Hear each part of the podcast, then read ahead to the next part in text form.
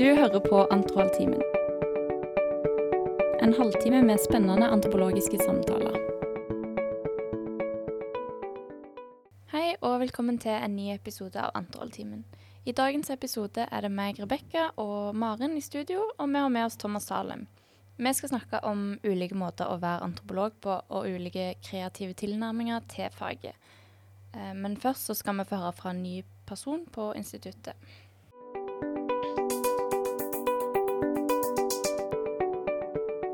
Mitt navn er Cecilie Wiendal Ødegård. Jeg eh, er professor ved instituttet og nestleder. Eh, Antropologi eh, blir jo fort en heltidsgeskjeft, egentlig, når man på en måte eh, faller for antropologi som, som fag og, og bruker eh, dagene sine på det, så blir, blir det veldig sånn altomfattende i livet. Um, Nei, det er, en- det er et fag som engasjerer veldig, og som gir eh, veldig gode, eh, gode og nyttige perspektiver eh, på, på ting. Eh, både ved livet og samfunnet, eh, egentlig også utover akkurat de temaene man sjøl forsker på, vil jeg si. Så, eh, så det gir eh, faktisk eh, en ekstra dimensjon ved, ved livet og tilværelsen, vil jeg nesten si. Det gjør det gøyere å være, være menneske. Det var skikkelig pompøst, men um, Jeg har jo jobbet med antropologi ganske lenge nå. Og jeg er, eh, har veldig sånn generelle interesser innenfor eh, antropologi. Jeg er det man kan kalle en generalist, vil jeg si. Eh, så jeg er ikke sånn at jeg singler ut én sånn under eh, eh, disiplinær tematisk retning innenfor faget så mye som kanskje enkelte antropologer gjør. Jeg har jobbet eh, eh, i Jeg har jobbet i Peru, nå jobber jeg i Norge, på Svalbard. Og jeg startet med, med kjønnsforskning og kjønnsperspektiver, interseksjonalitet eh, og den type ting, men har gått eh, videre og fattet eh, større interesse for, eh, for energi og energipolitikk, og, og nå i den senere tid det grønne skiftet. Og plukker opp egentlig inspirasjon fra eh, veldig ulike deler av antropologien, eh, og er opptatt av eh, hvordan eh, Altså prosesser der eh, både steder og subjekter dannes. Eh, og ikke minst eh, eh, spørsmål om, om arbeid og om natur. Eh, som jeg nå på en måte både har jobbet i mine første studier eh, i Peru, men som jeg nå tar videre da i forhold til det grønne skiftet. da. Eh, altså hvilke, hvilke naturforståelser er det som virvler opp eh, knyttet til det grønne skiftet? Og, og hvilke, hvilke spørsmål om, om arbeid og arbeidsrelasjoner eh, er det som på en måte eh, kommer til overflaten da knyttet til de endring, samfunnsendringene som man gjør knyttet til det grønne skiftet? Um, ja, så jeg er opptatt av alt fra ja? Altså, du kan kanskje se- se- plassere det under en sånn sekkebetegnelse politisk antropologi. Um, men jeg har også sterk interesse for økonomisk antropologi. Jeg henter inspirasjon fra uh, den ont ontologiske vendingen. Um, og ja.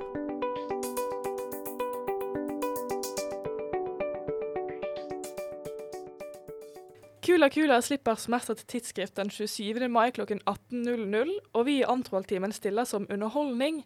Vi skal nemlig holde en live podkast hvor du får en unik mulighet til å se Antrohaltimen i aksjon.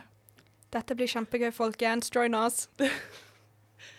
Du finner arrangementet på Kula Kulas sosiale medier. Og det blir kjempegøy og kjempekos. Det er bare å komme. Og vi gleder oss til å snakke foran dere. Ses da!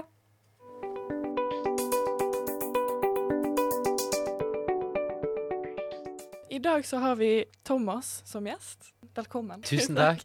Eh, Vi hadde jo egentlig bare planer om å spille inn én episode med deg, men så hadde vi så mye å snakke om at vi ville invitere deg på to. Eh, Så på denne episoden så skal vi snakke om kreative tilnærminger til antropologi, og hvordan man kan bruke andre medier enn kun skriving i forskningen sin. Ja. Det finnes jo mange ulike måter å være på antropolog på. Det, når man begynner å studere, så blir man gjerne servert med et bilde av dette er en antropolog. Um, men det er jo, altså, antropologer er jo forskjellige og bruker ulike metoder på forskning. Um, og så lurer jeg på om du kan fortelle litt hvordan man kan bruke kreative midler som metode, som film og foto for å fremme antropologien og antropologisk forskning? Ja, det kan jeg gjerne, eller iallfall prøve. Eh, altså, noe av det som jeg liker best med faget, eh, er jo det, det, den muligheten som faget gir for å eksperimentere. For vi, vi er ikke så systematiske som andre samfunnsvitere, ikke sant? Vi er litt mer, er litt mer flaky, er vi ikke? Det antropologiske feltarbeidet eh, kan romme ganske mye forskjellig. Eh, og etnografisk skriving eh, gir òg my mye større eh, rom til å eksperimentere og prøve ut ulike skrivestiler og eh, og ulike skriveverktøy eller ja, skriveformer. Og i eh, mine feltarbeid så har jeg eh, blitt mer og mer opptatt av å prøve meg fram og finne ut av hva som, hva, hvordan jeg har lyst til å drive med antropologi. Um, og hva som interesserer meg. Og jeg har alltid vært veldig glad i å ta bilder, men aldri på en måte satt meg ned og vært sånn litt mer systematisk i, i, i bruken av kamera. Jeg har alltid latt akkurat den biten være litt sånn intuitiv. Men nå under sist feltarbeid så tenkte jeg at OK, kanskje jeg trenger, kanskje jeg trenger å reflektere litt mer over på hvordan jeg bruker kamera, og hva, hva type fotomateriale jeg samler inn. Eh, og så har jeg eh, tatt litt online-kurs eh, og latt meg inspirere av folk som driver med dokumentarfoto, eh, og gått litt mer eh, systematisk til verks og, og prøvd å bruke um, foto som, som, en del av ikke bare analyse, men òg bare for å komme fram til, til ulike begreper eller analytiske kategorier som det kan være interessant å utforske videre. Det når, når en ser gjennom et kamera, eller når en ser gjennom bilder, så ser en andre ting enn det, enn det en ser når en er i når en er i felt, eller når en bare bruker feltnotater som, som kilde til Som, som empirisk kilde, ikke sant. Så, eh, så, for min del så har det vært veldig givende å bruke foto, fordi at det har eh, åpna for en annen måte å være i feltet på, og det har gjort meg oppmerksom på ting som jeg ellers ikke ville sett. Eh, og så er det eh, et veldig godt verktøy for formidling òg. For når du, når du, kombinerer tekst og bilder, så er det mye lettere å, å trekke folk inn i, inn i de sosiale verdenene som en beskriver, ikke sant. Det føles, det føles mye nærere, kanskje. Eller det blir litt mer håndgripelig. Så jeg liker veldig godt bruken av bilder. Så har jeg òg eh, i doktorgradsprosjektet mitt samarbeida med en dokumentarfilmskaper eh, som heter Siri Bråtveit, og som, som driver med eh, observerende dokumentar og jobber litt sånn i, i skjæringsflaten til, til, kunst. Altså til ja, filmkunst.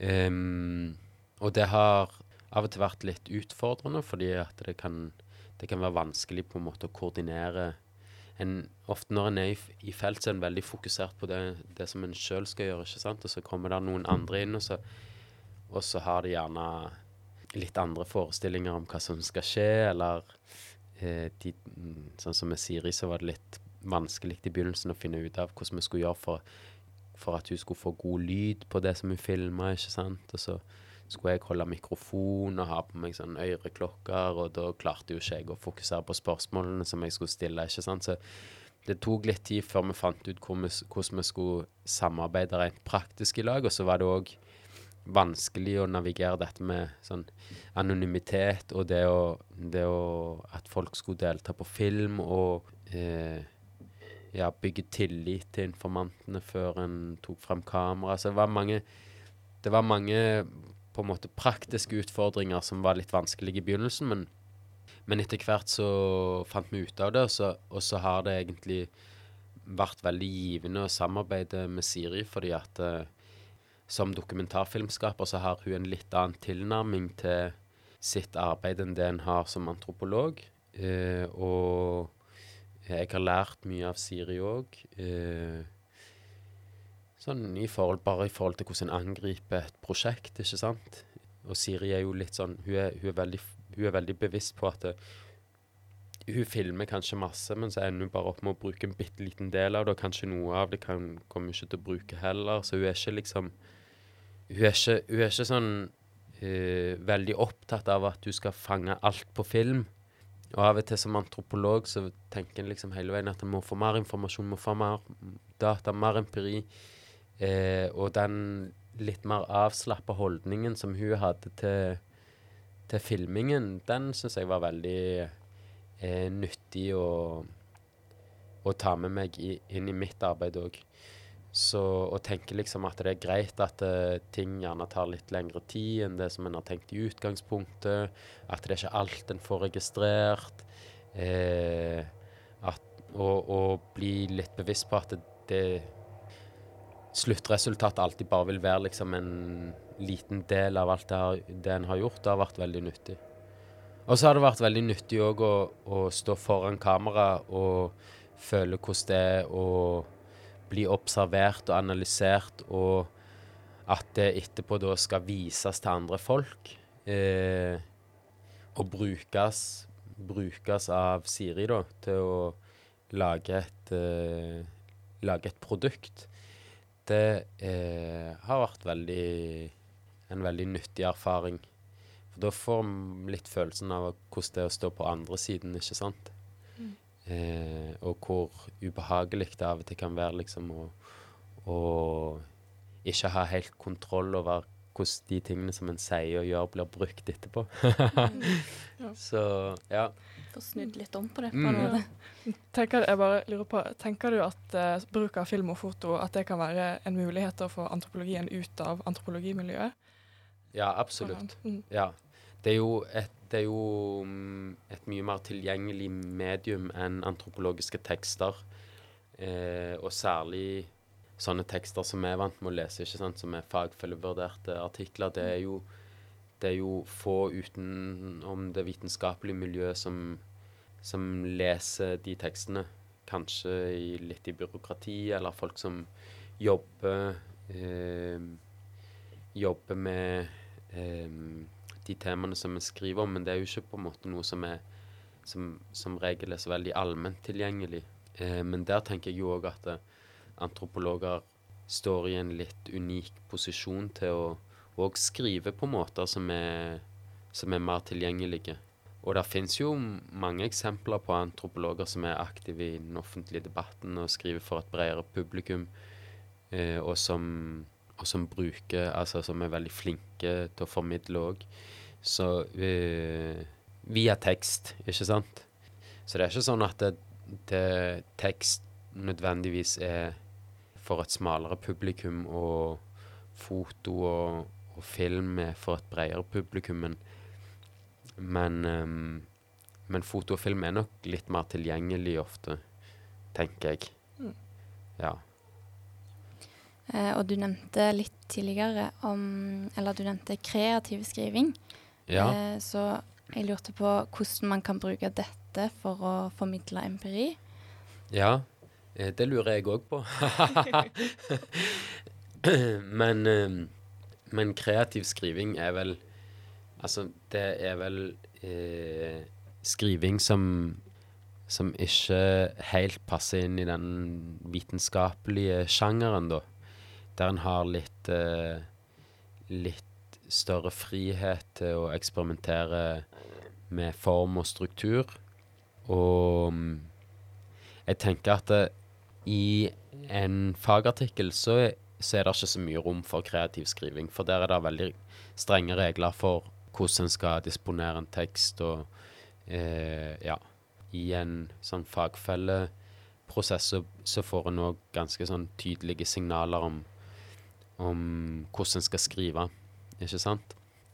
Men i monografier og, og essay og andre andre format, så, så er det rommet mye større. Og særlig fordi vi baserer så mye av arbeidet vårt på eh, etnografi, ikke sant. Eh, så jeg har eksperimentert litt med sånn essayformatet, og det er en annen ting som jeg som jeg eh, Som Siri inspirerte meg til, var å tenke på hvordan en kan bruke humor i teksten. Eh, og så har jeg tatt noen og noen online-kurs i hvordan en kan skape spenning i teksten, og eh, hvordan en kan skape en sånn eh, Altså mer dynam dynamisme, eller hvordan en kan skape et eh, sammenhengende narrativ. Så har jeg òg tenkt på hvordan en kan la Altså hvordan en kan la analysen være litt mer implisitt, og ikke alltid liksom måtte eh, gjøre alt så eksplisitt, men la noe òg være opp til leseren. Eh, men det er jo vanskelig, for i, i vitenskapelige tekster så forventes det vel egentlig at den skal være ganske eksplisitt, ikke sant? Så det er jo mm, Ja. Jeg, jeg, har ikke noen, jeg har ikke noen klare svar på, på det, men jeg syns det er gøy at, antro, at, antropologien gir oss det rommet til å eksperimentere med ulike, ulike formidlingsformer. Eh, og, og, jeg syns det er spennende å kombinere ulike, ulike, former. Og det tror jeg det er flere og flere antropologer som, som begynner å, å, bry seg om, og som er jeg, jeg tror det jeg tror det er mange som er interessert i å utforske eh, ja, ulike måter å skrive på, ulike måter å eh, knytte tekst til visuelle medier, og ulike måter å samarbeide på. Eh, så det er mye, mange diskusjoner i antropologi nå om hvordan kan, ja, hvordan kunst eh, i større grad kan inkluderes som en del av, eh, av forsknings- og formidlingsprosessen. Mm.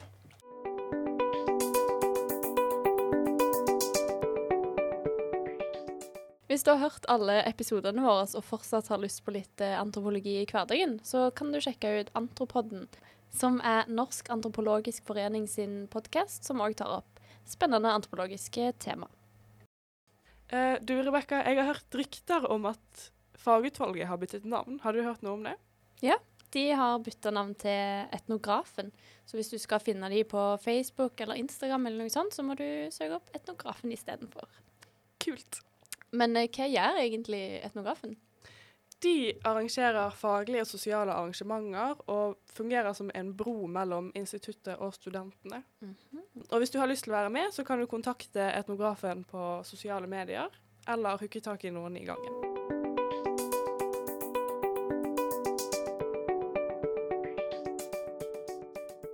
Eh, litt eh, vekk igjen fra skriving nå. Jeg har forstått det slik at Uh, under prosjektet ditt så har du hatt informanter og folk som du har samarbeidet med som har stått deg nær, og som du har hatt forhold til fra før av. Uh, så jeg lurer litt på hvordan man navigerer feltet uh, når man har nære forhold allerede i feltet. Jeg vet ikke Altså, jeg vet ikke om, om det egentlig trenger være så annerledes fra et vanlig feltarbeid. Jeg tror kanskje Jeg tror kanskje det er en sånn en, en slags fordom om at hvis det er et tema som ligger nært, så, så, er det lett å se seg litt blind på det, eller på en måte ikke Altså, det er en sånn frykt blant mange antropologer om å, om å, om å skrive om noe som ligger litt for nært, sånn at en ikke på en måte klarer å, å plukke det fra hverandre og, og, se, og se, noen av ja, eh, de sentrale dynamikkene som strukturerer det feltet eller det fenomenet. Og jeg er litt usikker på om det er en Om det på en måte er en Om det, om det er så mye grunn til bekymring, fordi at det, jeg vet ikke helt hvordan det skiller seg fra å fokusere på eh, et eh, bestemt tema eller feltsted over en hel karriere, ikke sant? Eh, etter hvert som du blir bedre og bedre kjent med eh, feltet ditt, så vil jo så vil jo nødvendigvis de folkene som du jobber med, stå deg eh, ganske nært. Kanskje de, kanskje de, er venner, kanskje du nesten ser litt på dem som familie. kanskje du kjenner deg veldig hjemme eh, på det stedet som du gjør feltarbeid, så Jeg vet ikke om det er Om det er eh, veldig annerledes å gjøre Altså, jeg gjorde jo feltarbeid i en landsby som jeg har reist til før jeg begynte å studere antropologi. Altså, jeg, jeg reiste til Chalten for første gang i 2007. Og noen av de eh, som Noen av deltakerne i prosjektet mitt er, er venner som jeg har fra når jeg studerte til å bli fjellguide i Argentina som 20-åring. Så det er jo folk som jeg har kjent i 15 år. Og på en måte så har det vært en veldig fordel òg, fordi at jeg kjenner jo hele historien deres.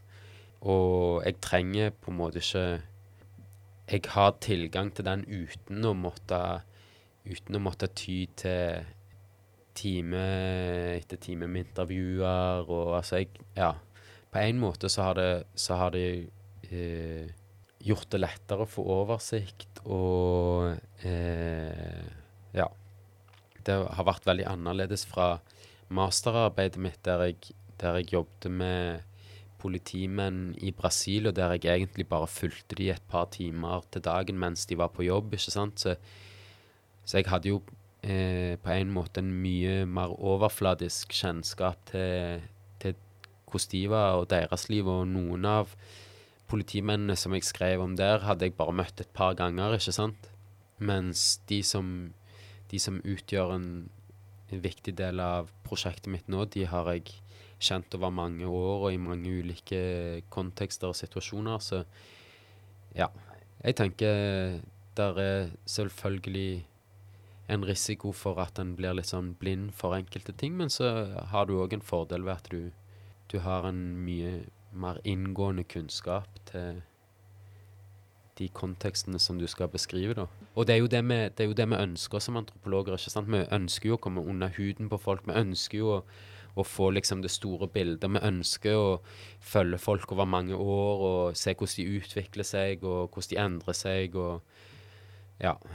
Jeg tror det, jeg tror det som er viktig, er at en reflekterer over eh, Altså at en i arbeidet sitt reflekterer over hva det har å si. At en posisjonerer seg enten på den ene eller den andre måten, heller enn å si at dette, dette er den rette måten å drive med antropologi på, dette er mer, en mer problematisk måte å drive med antropologi på. Eh, så, og det er jo det som vi blir trent i i studiet. Refleksivitet. Ad infinitum. Ja, nei, det var egentlig det. Ja. Tusen takk for eh, spennende bidrag i podkasten vår. Tusen takk for at jeg fikk komme. Det var superhyggelig at dere hadde lyst til å snakke med meg. Så håper jeg at det, at det jeg har sagt, gir mening. Tusen takk for at du hørte på Antrohalvtimen. Følg oss gjerne på sosiale medier på ett Antrohalvtimen. Hvis du sitter inne med spørsmål eller innspill til temaer du vil høre mer om, så ta gjerne kontakt med oss. Vi ønsker også å få med oss flere folk til å bidra i podkasten, så bli gjerne med uavhengig av hvor du er i studieløpet. Ingen forkunnskaper er nødvendig, så det er bare å ta kontakt.